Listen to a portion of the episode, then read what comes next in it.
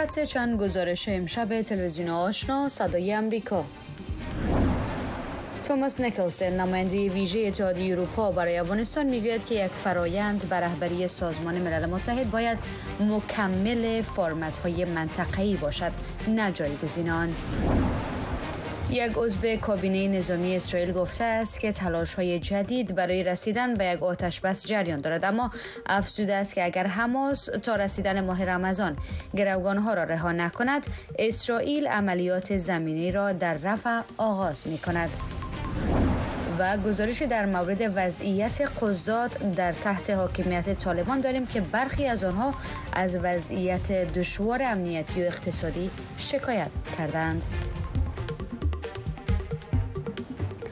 سلام و درود حضور شما بینندگان گرامی و سرویس خبری امشب پنجشنبه 22 ماه فوریه سال 2024 میلادی و میزبانی من سحر عظیمی. خوش آمدید.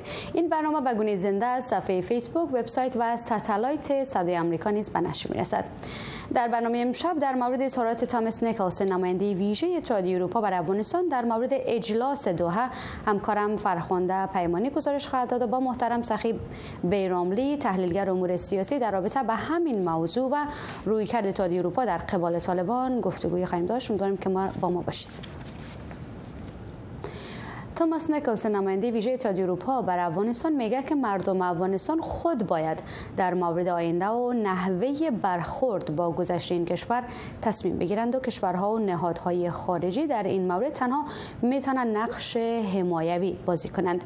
این مقام ارشد اتحادیه اروپا همچنان خواستار حضور افغانهای بیشتر در نشستهای آینده در مورد افغانستان شده شر بیشتر این موضوع را از همکارم فرخنده پیمانی جویا میشیم. که همین هم در برنامه با ماست. در جزئیات پیام های نیکلسن و دیدگاه او در مورد نتیجه نشست دوحه تا کنون چه بوده؟ با سلام به شما سرجان و بیننده عزیز توماس نیکلاسن نماینده ویژه اتحادیه اروپا بر افغانستان پس از نشست دروزی ملل متحد در دوحه که در آن موضوع حقوق بشر نحوی تعامل با طالبان و مبارزه با تروریسم مورد بحث قرار گرفت در صفحه اکس خود نگاشته است که پس از 45 سال جنگ در افغانستان روابط خوب این کشور با همسایگان آن ضروری می باشه. و او از قصد کشورهای منطقه به هدف تامل با طالبان استقبال کرده است و نماینده البته در این قسمت صحبت های خود نماینده صحبت های مستقیم شه میشنویم دوباره برمیگردیم. اعلام شده این منطقه برای تعامل استقبال می کنم و به تمایل آن برای مشاهده ادامه حمایت دیگران نیز اشاره می کنم یک فرایند به رهبری سازمان ملل متحد باید مکمل فرمت های منطقه‌ای باشد نه جایگزین آن.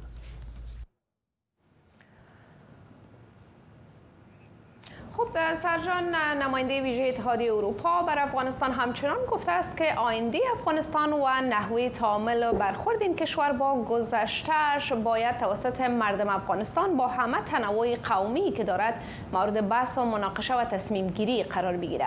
نیکلاسن همچنان تاکید کرده که باید افغانهای بیشتری در نشست های مشابه اجلاس دوحه دعوت شوند. اینه که این که زنان افغان از این نشست چی توقعی داشتن و حالا پس از نشست در مورد نتایج از چی فکر می‌کنن؟ نظریات خانم نسرین حمیدی یکی از زنان معترض و عضو جنبش آزادگان در تبعید را میشنویم و دوباره باز هم برمیگردیم.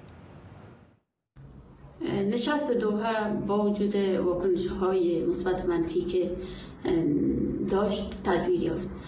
نمایندگان زنان افغانستان در اونجا موزیگیری هایشان تا حد اندازه قابل قبول زنای افغانستان قرار گرفت. ما از جهان خواستاری هستیم که نسل جدید افغانستان نسل جوان افغانستان در تعاملات در افغانستان نادیده نگیرد. سهر ای قابل ذکر است که کشورهای همسایه افغانستان و جامعه جهانی همواره از طالبان خواستند تا یک حکومت همه شمول را در افغانستان تشکیل بدهند و به حقوق زنان و اقلیت های قومی و مذهبی هم احترام بگذارند. اما مقامات طالبان با تاکید بر اینکه حکومت این گروه فراگیر است گفتند که حقوق زنان در حکومتشان در چوکات شریعت اسلام تامین می باشد سرجان ممنون. تشکر از خودت فرخواندم برای بحث بیشتر در مورد اظهارات نماینده ویژه اتحادیه اروپا بر افغانستان در رابطه با نشست دوحه و رویکرد کشورهای منطقه در مورد افغانستان محترم سخی بیراملی تحلیلگر امور سیاسی را از شهر بن آلمان به خود داریم. آقای بیراملی خوش آمدین. اول نماینده ویژه اتحادیه اروپا بر افغانستان بار دیگر تایید کرده و تاکید کرده که این خود افغانها هستند که باید در مورد آیندهشان تصمیم بگیرند که به نحوی اشاره به مذاکرات بین الافغانی دارم. با توجه به وضعیت کنونی آیا طالبان حاضر اصلا هستند به مذاکره با مخالفانشان؟ سلام بر شما سلام بر بینای عزیزی که ما را می‌بینن ببینین حقیقت داره که نماینده اتحادیه اروپا با زبان آورده یک حالت یک فکت است یک, یک باید هر روایتی که در مورد افغانستان نوشته میشه بعد از این باید توسط خود مردم افغانستان و در هماهنگی با همسایه ها نشه بسیار چیز واضح است. ولی چیزی که غالب به زبان آوردن ای کاش این مسئله سالها قبل همه اقوام افغانستان زنان افغانستان جوانان افغانستان در نوشتن یک روایت تازه برای آینده کشورشان سهم می‌گرفتن. حالا که طالبا آماده پذیرش این مسئله هستند و یک مسئله و اصطلاح میشه که یک مشکل داخلی خود طالبا است و ما فکر می‌کنم به نفع همه طرف ها و شمول طالبا مخالفینشان اقوام و نماینده مردم و جامعه مدنی است که باید این کار صورت بگیره و یک روایت تازه با هماهنگی همه طرف ها کشورهای همسایه منطقه و هماهنگی سازمان ملل نشه شود. بله. تامس نیکلسن به نحوی از عدم حضور افغانهای بیشتر در نشست دو هم انتقاد کرده به نظر شما در عدم حضور طالبان و مخالفان این گروه چه, چه نظامی هستند چه سیاسی هستند در همچون نشست, نشست آیا می توان روی موضوعات سرنوشت ساز بر افغانستان تصمیم گرفت؟ ببینید این دقیق است که همه طرف های زی داخل در قضای افغانستان در این جلسه متاسفانه شرکت نداشت ما بسیار مثلا یاد می‌کنم از اقلیت های قومی ترکمن ها ازبک ها و دیگه دیگه سادات و دیگه اقوامی که باید در جلسه تمثیل می‌شدن به نوع نماینده میفرستادن. زنانی که عملا در ساحه مبارزه و مجادله می‌کنن نماینده از او کجاست؟ و دیگه اقشار جامعه نماینده نداشتن و افرادی هم که تا این شد آخرین روز بسیار سری نگه داشته شد. نمیفهم دلیلش چی بود. ولی اگر قرار باشه جلسه در آینده اتفاق میفته به رهبری حالا سازمان ملل و یا هر نهاد بین المللی دیگه باید اینمی محور از این افرادی که انتخاب میشن باید بزرگتر ساخته شود از اقوام دیگه پس می گفتم شما نمی‌تونید 5 6 میلیون نفوس در یک قسمت از افغانستان نادیده بگیرین و اونا را هم به این جلسه دعوت نکنید بله. بنابراین ما فکر می‌کنم که نیاز است بله جلسات بعدی با با افراد بیشتر و حتی افراد از داخل افغانستان به شمول طالبان در بله. در سال در جلسه بون این مشکل بود که یک طرف قضیه افغانستان بله. که حقیقت افغانستان هم اصلا طالبا دعوت نشده بود. بله بله. و نتایج شما امروز می‌بینیم. بله. آقای بیناملی نماینده ویژه اتحادیه اروپا در افغانستان گفته که در نشست دوحه و تلاش های طالبان برای سرکوب داعش اشاره شد اما نگرانی های جدی از حضور و فعالیت های مداوم سایر گروه های دهشت افکن در افغانستان هم وجود داره. به نظر شما آقای نیکلسن منظورش از حضور و فعالیت های کدام گروه های دهشت افکن در افغانستان ببینید این مسئله است که جامعه جهانی و اوج ایالات متحده آمریکا بارها از فعالیت گروه های مختلف دشت افکن در افغانستان در پاکستان و در دیگر کشورهای آسیای میانه صحبت می‌کنند این که کدام ببینید حال یک مشکل بسیار جدی که در افغانستان به ویژه ما داریم است که یک حکومتی که جوابگو بر جامعه جهانی باشد تا حال نداریم بله. و نبود نمی حکومت جوابگو و همه شمول زمینه را برای فعالیت همه گروه ها و شکل بله. گروه های افکن متاسفانه فراهم می‌سازه بنابراین این به نفع همه هست که باید کنار هم پیش و یک حکومت همه شمول تشکیل شده سپاس فراوان از محترم سخی بیراملی تحلیلگر امور سیاسی که به برنامه تشریف آوردن. ممنون. شماری از قضات افغانستان در صحبت با صدای آمریکا گفتند که در جریان بیش از دو سال حکومتداری طالبان زندگی دشواری را سپری کردند و این روند همچنان ادامه دارد برخی از قضات سبکدوش شدند موفق به ترک افغانستان شدند اما تعداد کثیری از آنها در افغانستان باقی ماندند و می‌گویند که با مشکلات اقتصادی فراوانی هم مواجه هستند و به صورت پنهانی زندگی می کنند. با تسلط طالبان بر افغانستان تعداد زیادی از قاضیان که در محاکم نظام پیشین کار کردند افغانستان را ترک کردند. اما تعداد کثیری که در داخل کشورگیر ماندند می‌گویند از ترس تعقیب و بازداشت از سوی طالبان در خفا زندگی می کنند حبیبه نام مستعار در صحبت صوتی که با صدای امریکا داشت به شرط فاش نشدن هویتش گفت ما 43 نفر قاضی گیرمانده در افغانستان در یک حالت بد امنیتی قرار داریم. از 15 اگست سال 2021 به این طرف وظیفه از ما گرفتند. ماش نداریم. شرایط برای ما سخت شده. از ترس امنیت اولاد ما مکتب رفتن نمی‌تونه. حتی پیش دکتر هم رفتن نمی‌توانیم این زندگی قاضی زن در افغانستان است که سالها زحمت کشید و قاضی شد و این هم بدبختی که ما امروز مقابل هستیم. باید گفت که تعداد زیادی از قاضیانی که در داخل افغانستان هستند از صحبت در مورد زندگیشان بنابر نگرانی از افشا شدن هویت و مسئولیتشان خودداری کردند. زیا بدخش یکی از قاضیان پیشین که پس از تسلط طالبان به فرانسه پناه برده است گفت بیش از 2100 قاضی در تشکیلات قضایی نظام جمهوریت مصروف کار بودند که 300 تن آنان زنان بودند. اما با به قدرت رسیدن طالبان و فرمان هبت الله آخونزاده رهبر طالبان همه این قضات از کار برکنار شدند که تعداد موفق به ترک افغانستان گردیده و اما تعداد کثیر دیگر در ولایات مختلف به صورت پنهانی زندگی می کنند بدبختانه امروز اونها در بدترین شرایط قرار دارند در افغانستان. تعدادشان که به پرونده های جزایی طالبان رسیدگی کرده بودند در دوران جمهوریت اونا در اختفا به سر می‌برند. حتی به خانه هایشان نیستن. ما تعدادی از قضات را خبر داریم که با وجودی که در افغانستان هستند در مدت همین دو سال یک بار یا دو بار موفق شدن خانواده اعضای فامیل و اطفال خود ببینند بدبختانه در جاهای مختلفی با بسیار شرایط دشوار و سخت زندگی می‌کنند مرزیه با بکرخیل یکی دیگر از قاضیان پیشین این وضعیت را فاجعه بزرگ در سیستم قضایی افغانستان می داند و می گوید انتظار ندارد که طالبان از انتقامجویی و تعقیب قضات به خصوص آنانی که به دوسیه های جزایی طالبان و دیگر مجرمین رسیدگی کردند دست بردارند و به نظر او راه حل این مشکل خروج قاضیان از افغانستان است. جامعه جهانی و کسانی که در سطح قدرت دولتی در ممالک در قرار دارند به خصوص دفاتر البته حقوق بشر و وزارت های دفاع و داخلی ممالک مثل امریکا انگلستان و جامعه اروپا اینا باید که دست همکاری را بتن و در انتقال از این همکارای عزیز ما که هر روز با مرگ البته مقابل هستند و از لحاظ بیامنیتی حتی اولاد خود به مکتب نمی‌تونن که بفرستن باید که همکاری کنن اما خروج همه این قشر تحصیل کرده و مسلکی محاکم افغانستان از این کشور چه تأثیری بر سیستم قضایی افغانستان خواهد داشت؟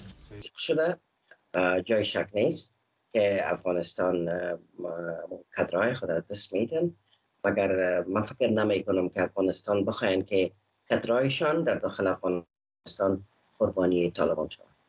با وجود تلاش های مکرر صدای امریکا موفق به دریافت پاسخ حکومت طالبان در این مورد نشد. اما مفتی حمدالله سمیم از تحلیلگران سیاسی ساکن در کابل به صدای امریکا در یک پیام نوشتاری موضوع آزار و اذیت قضات در افغانستان را آری از حقیقت خوانده گفت که اگر کسی مشکل شخصی دارد کار خودش است. سمیم همچنان نگاشته است که مسئولیت هر افغان پالیسی حکومت طالبان را تشکیل می دهد. سازمان جهانی صحت با اشاره به نیازمندی های فزاینده بشری و بحران انسانی پایدار در افغانستان می‌گوید که سال روان میلادی برای نظام صحی این کشور پرچالش خواهد بود. این سازمان امروز پنجشنبه 22 فوریه در شبکه اکس گفته است که شهروندان افغانستان یک سیستم صحی ناپایدار را تحمل می کنند و با کمبود مواد غذایی و سوء تغذیه روبروند. به گفته این سازمان نیاز به کمک های بشردوستانه در افغانستان و طرز چشمگیری افزایش یافته است و شمار نیازمندان از 18.4 میلیون نفر در قبل از آگست 2021 به 23.7 میلیون نفر در سال 2024 افزایش یافته است. سازمان جهانی صحت گفته است که به 352 میلیون دلار اضافی برای تکمیل بودجه مجموعی 423 میلیون دلاری برای سال 2024 و 2025 در افغانستان نیاز دارد. همزمان با ادامه عملیات هوایی و زمینی اسرائیل درباره که غزه یک مقام اسرائیلی گفته که تلاش های جدید برای رسیدن به یک توافق آتش بس با گروه حماس جریان داره و مرگ الکسی نوونلی رهبر مخالف سیاسی پوتین در زندان سبب واکنش ها و احتمال افزایش کمک ها به اوکراین از سوی ایالات متحده شده. این موضوعات را در برنامه امشب تحت پوشش قرار می دهیم اما بعد از درنگ کوتاه.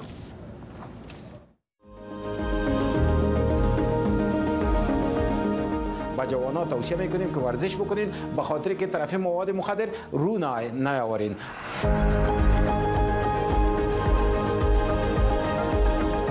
از پلاستیک علاقه پوتریان ارشخال شافه جان مصاحبه هفته ما در مورد؟ بله په دې باره کې د چې خالونه دانې او پوستکي اکثره وخت موږ یو معمولی ستونزه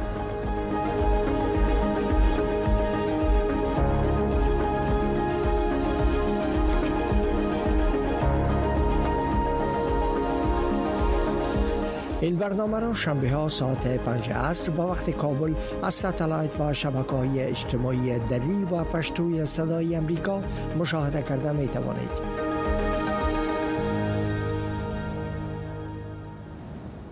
همزمان با ادامه عملیات هوایی و زمینی اسرائیل در باریکه غزه یک مقام اسرائیلی گفته است که تلاش های جدید برای رسیدن به یک توافق آتش بس با گروه حماس جریان دارد. پس از ایجاد بنبست هفته گذشته در تلاش ها برای برقراری آتش بس در غزه این نخستین بار است که یک مقام اسرائیلی در مورد تلاش های جدید اشاره می کند در این حال مقام های صحی غزه گفتند که در یک طول یک شبانه روز گذشته نزدیک به 100 نفر در این باریکه کشته شدند. ادامه عملیات نظامی اسرائیل در باریکه غزه اردوی اسرائیل گفته است که به گسترش فعالیت خود در شمال غزه ادامه می دهد و عملیاتشان در خانیونس شهر جنوبی غزه نیز جریان دارد. در این حال بنی گنتس یک عضو کابینه نظامی اسرائیل گفته است که تلاش های جدید برای رسیدن به یک توافق آتش بس با گروه حماس جریان دارد. در این روزها تلاش ها برای ترویج یک طرح جدید و نشانه های اولیه وجود دارد که بر امکان حرکت به جلو دلالت می کند ما هیچ فرصتی را برای برگرداندن دختران و پسران یعنی گروگانان بخانه از دست نمی دهیم ولی این مقام اسرائیلی بار دیگر هشدار داده است که اگر حماس همه گروگانان را تا فرارسیدن ماه رمضان رها نکند اسرائیل عملیات زمینی خود در رفح شهر جنوبی غزه را آغاز خواهد کرد. عملیات کنونی اسرائیل در غزه که به دنبال حمله هفتم اکتبر حماس بر اسرائیل راه اندازی شده است حدود 80 درصد جمعیت 2.3 میلیون نفری غزه را به جا کرده است. حدود 1.5 میلیون نفر در رفح در نزدیکی مرز با مصر پناه برده است. در نتیجه یک حمله هوایی اسرائیل این مسجد که در مرکز رفح موقعیت دارد با خاک یکسان شده است. ما از جهانی که ادعای بشریت حقوق بشر حقوق زنان و کودکان دارد می خواهیم تا فورا مداخله کند و این نابودی را که مردم ما با آن روبروست توقف دهد. مقام های صحی غزه می گویند که در طول 24 ساعت گذشته حداقل 97 نفر در این باریکه کشته و حدود 130 نفر دیگر زخمی شده است. ادامه جنگ در غزه علاوه بر این که فعالیت گروه های نیابتی ایران در منطقه را تشدید بخشیده است موجب ازدیاد خشونت ها در کرانه غربی رود اردن نیز شده است با گفته پلیس روز پنجشنبه در نتیجه شلیک سه مهاجم در نزدیکی یک پوسته در کرانه غربی یک اسرائیلی کشته و حداقل هشت نفر دیگر زخمی شده است. پلیس گفته است که دو مهاجم کشته شده و مهاجم سیومی دستگیر شده است. سید عزیز رحمان صدای امریکا واشنگتن مرگ الکس نوونلی رهبر مخالف سیاسی پوتین در زندان در مقر بحث‌های سیاسی آمریکا رخ نکرده است و فشار بر اعضای جمهوری خواه کانگرس را به خاطر تصویب کمک به اوکراین بیشتر ساخته است. در این حال رئیس جمهور بایدن و رقیب اصلی او ترامپ قبل از برگزاری انتخابات ریاست جمهوری در ماه نوامبر در این مورد نظریات متفاوت دارند. و گزارش صدای آمریکا توجه کنید. مرگ الکس ناوالنی رهبر مخالف سیاسی روسیه در زندان با بحث‌های داغ در مسائل سیاسی امریکا مبدل شده است. اشغال اوکراین توسط روسیه اختلاف نظر واضحی بین جو بایدن و ترامپ را برملا می سازد. بایدن به صورت روسیه را به مرگ ناولین متهم ساخت و تهدید نمود که تحریم های شدید را علیه روسیه وضع خواهد کرد. اما مقامات روسیه می گویند که ناولین به اثر مرگ ناگهانی فوت شده است. در اصل مسئله این است که پوتین مسئول است. اگر فرمان داده باشد مسئول وضعیتی است که این مرد در آن هلاک شد. این شخصیت او را تبارز می دهد. این غیر قابل تحمل است. من گفتم برای این بار بهای باید پرداخته شود. کرملین می‌گوید که اتهامات بی اساس و گستاخانه بوده و مقامات روسی از سپردن جسد نوالنی برای مادرش خودداری کردند. ترامپ و حزب جمهوری خواه او روش متفاوت را پیش گرفتند. ترامپ می‌گوید او از ناتو به اندازه بایدن به طور مستحکم حمایت نمی کند در یکی از رویدادهای اخیر در برنامه فاکس نیوز ترامپ خود را مانند نوالنی یک قربانی جلوه داد. بسیار یک مسئله ناگوار است اما در کشور ما هم اتفاق می افتد ما از راه مختلف در حال تبدیل شدن به یک کشور کمونیستی هستیم. اگر شما به آن نظر بیاندازید من یک کاندید پیشتاز هستم. درک می کنم که قبلا به دادگاه کشانیده نشده بودم. و کنون چهار مرتبه من به دادگاه کشانیده شدم. هشت الا نو محکمه دارم. همه به خاطر این واقعیت که من در سیاست هستم. ترامپ در مورد رسیدگی به وضعیت روسیه و اوکراین به طور مبهم صحبت نمود در عوض گفت او اگر رئیس جمهور می بود پوتین هرگز جای را اشغال کردن نمی توانست جمهوری خواهان می‌پرسند که چرا باید برای جنگ پول بدهند. قوای روسی اخیرا یکی از شهرهای کلیدی را تصرف کرده است که قصر سفید با آن به عنوان ثبوت نیاز به کمک کار برده و استدلال می‌کند که قوای اوکراینی به کمک اضطراری نیاز دارند. شمال از جمهوری خواهان مطمئن هستند که بودجه ملغ شده کمک 95 میلیارد دلاری تصویب خواهد شد. قسمت بزرگان مربوط اوکراین است. جنگ روسیه در بحث‌های سیاسی امریکا مهمتر شده است. پیتر سیف خبرنگار نویسنده و پژوهشگر دانشگاه جان هاپکینز می‌گوید همه مسائل مربوط به جایگاه امریکا می شود. این مسئله مربوط امریکا شده است. آیا امریکا می تواند به عنوان یک قدرت نقش بازی کند و تعهدات خود را در برابر متحدین خود حفظ کند و به آن احترام بگذارد؟ نشان دادن این که آیا امریکا یک قدرت قوی است و یا این حیثیت را از دست داده است. پرسشی که مطرح است همین است. روسیه و اوکراین بیش از این مطرح نیستند. مسکو و واشنگتن حدود 8000 کیلومتر از هم فاصله دارند. اما ایالات متحده به انتخابات ماه نوامبر نزدیک می شود سرنوشت هر دو کشور بیش از هر زمانی به هم گری خورده است. ژیلا نوری تلویزیون آشنای صدای آمریکا واشنگتن. با تداوم جنگ در اوکراین کودکان این کشور مسائل جدیدی از جمله پناه بردن به کودکستان ها و مکاتب از بمباران آموزش های مسئولیتی ماین و کمک های اولیه را فرا می‌گیرند. در این گزارش صدای آمریکا نظری به چگونگی تاثیرات جنگ بر جوانترین اوکراینی ها انداخته است. درس های جدید زندگی برای برخی جوانترین شاگردان اوکراینی. این شاگردان در شهر ایرپین فقط سه و چهار ساله هستند و هر هفته آنان درس های ویژه امنیتی را می آموزند. من به بچه ها توضیح می دهم که اگر چیزی را روی زمین می بینند هرگز آن را بر ندارند. حتی اگر اسباب بازی یا شیرینی هم باشد زیرا می تواند یک ماین باشد. روزها این شهر را وقت پس از تصرف در اوایل مارچ 2022 دوباره ترک کردند اینجا را ماینگذاری نمودند. حالا شاگردان اوکراینی در سنهای مختلف خطرات دوره جنگ را که هر روز با آن روبرو می شوند می آموزند. صادقانه بگویم خیلی سخت است که در مورد این چیزها به بچه ها بگویم اما می‌دانیم که باید این کار را انجام دهیم. ما بازی ها کتاب ها میماری های مربوط به ماین ها نارنجک ها و انفجارها را در اینجا درس می دهیم یونیسف مواد درسی حفاظتی را برای کودکان سنف اول و کودکستان در سراسر اوکراین فراهم می کند. معلم ها با استفاده از محیط اوکراین به کودکان نشان می‌دهند که همچو اشیا ممکن در کجا باشد و چه کاری باید انجام دهند و با مواجه شدن با برخی اشیاء انفجاری با کدام شماره تلفن تماس گیرند حدود 30 درصد از اوکراین ماین شده است و شاگردان در این مکتب شهر ایف کمک های اولیه و شماره تماس در صورتی که کدام شای مشکوک را ببینند آموزش داده می شود. جنگ زمانی رخ می دهد که یک کشور می خواهد خاک یک کشور دیگر را تصرف کند.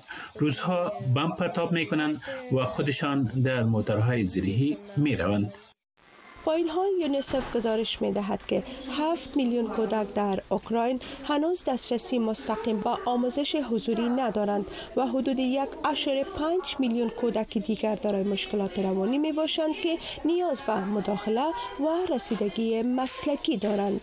روی زمانی تلویزیون آشنا صدای امریکا واشنگتن همزمان با ادامه حملات حوسی ها بر کشتی های جنگی جهت نشان دادن حمایت از فلسطینی ها در جنگ غزه اداره تردد بحری بریتانیا اعلام کرد که دو میزایل روز پنجشنبه به یک کشتی در سواحل جنوب شرق شهر عدن یمن شلیک شد و سبب آتش سوزی در کشتی گردید.